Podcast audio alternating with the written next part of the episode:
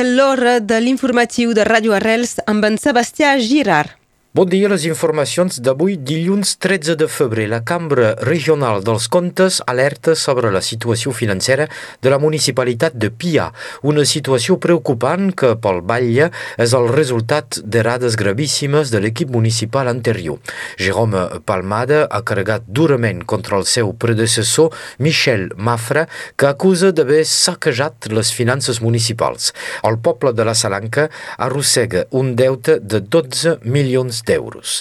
A la Cerdanya, els pobles de la Guingueta, Oceja i Sallagosa han estat seleccionats per integrar el programa PVD, Petites Viles de Demà. Aquest programa, engegat el 2020, té per objectiu de reforçar els mitjans atorgats a les municipalitats de menys de 20.000 habitants per tirar endavant projectes de desenvolupament del territori. La signatura oficial del conveni amb l'Estat tindrà lloc a la seu de la Comunitat de Comunes Pirineus-Cerdanya, a Sallagosa, aquesta tarda a les 5 en presència del prefecte i dels elegits dels pobles escollits. Un guanyador històric per l'edició número 50 del concurs de poda de la vinya. Paco Fible, de 90 anys, va guanyar dissabte el concurs general.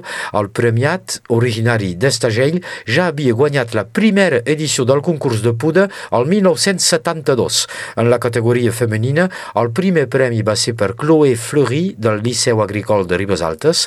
El premi Master, on competien els guanyadors de les 50 primeres edicions del concurs és per Manuel Tanalla de Canet i per fi en la categoria joves, victòria de Joan Traité, també del Liceu Agricol de Ribes Altes.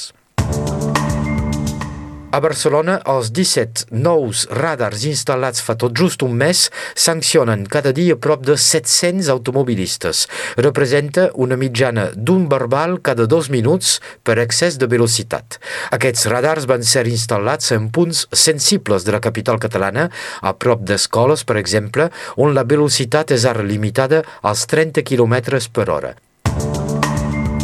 A Brussel·les, la policia ha arrestat l'eurodiputat belga Marc Tarrabella en el marc de l'enquesta sobre el Qatargate, un cas de corrupció a gran escala. Durant els escorcolls, la policia ha descobert i requisat una caixa forta a casa de l'elegit. Marc Tarrabella, juntament amb l'italià Andrea Cozzoloni, va ser un dels eurodiputats a qui el Parlament Europeu va retirar la immunitat la setmana passada.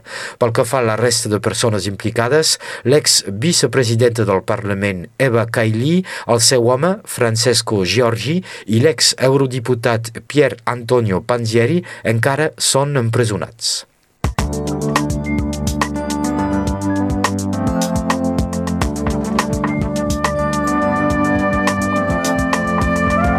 Moltes gràcies, Sebastià. Passem ara a l'informació del temps amb Meritxell Cristòfol.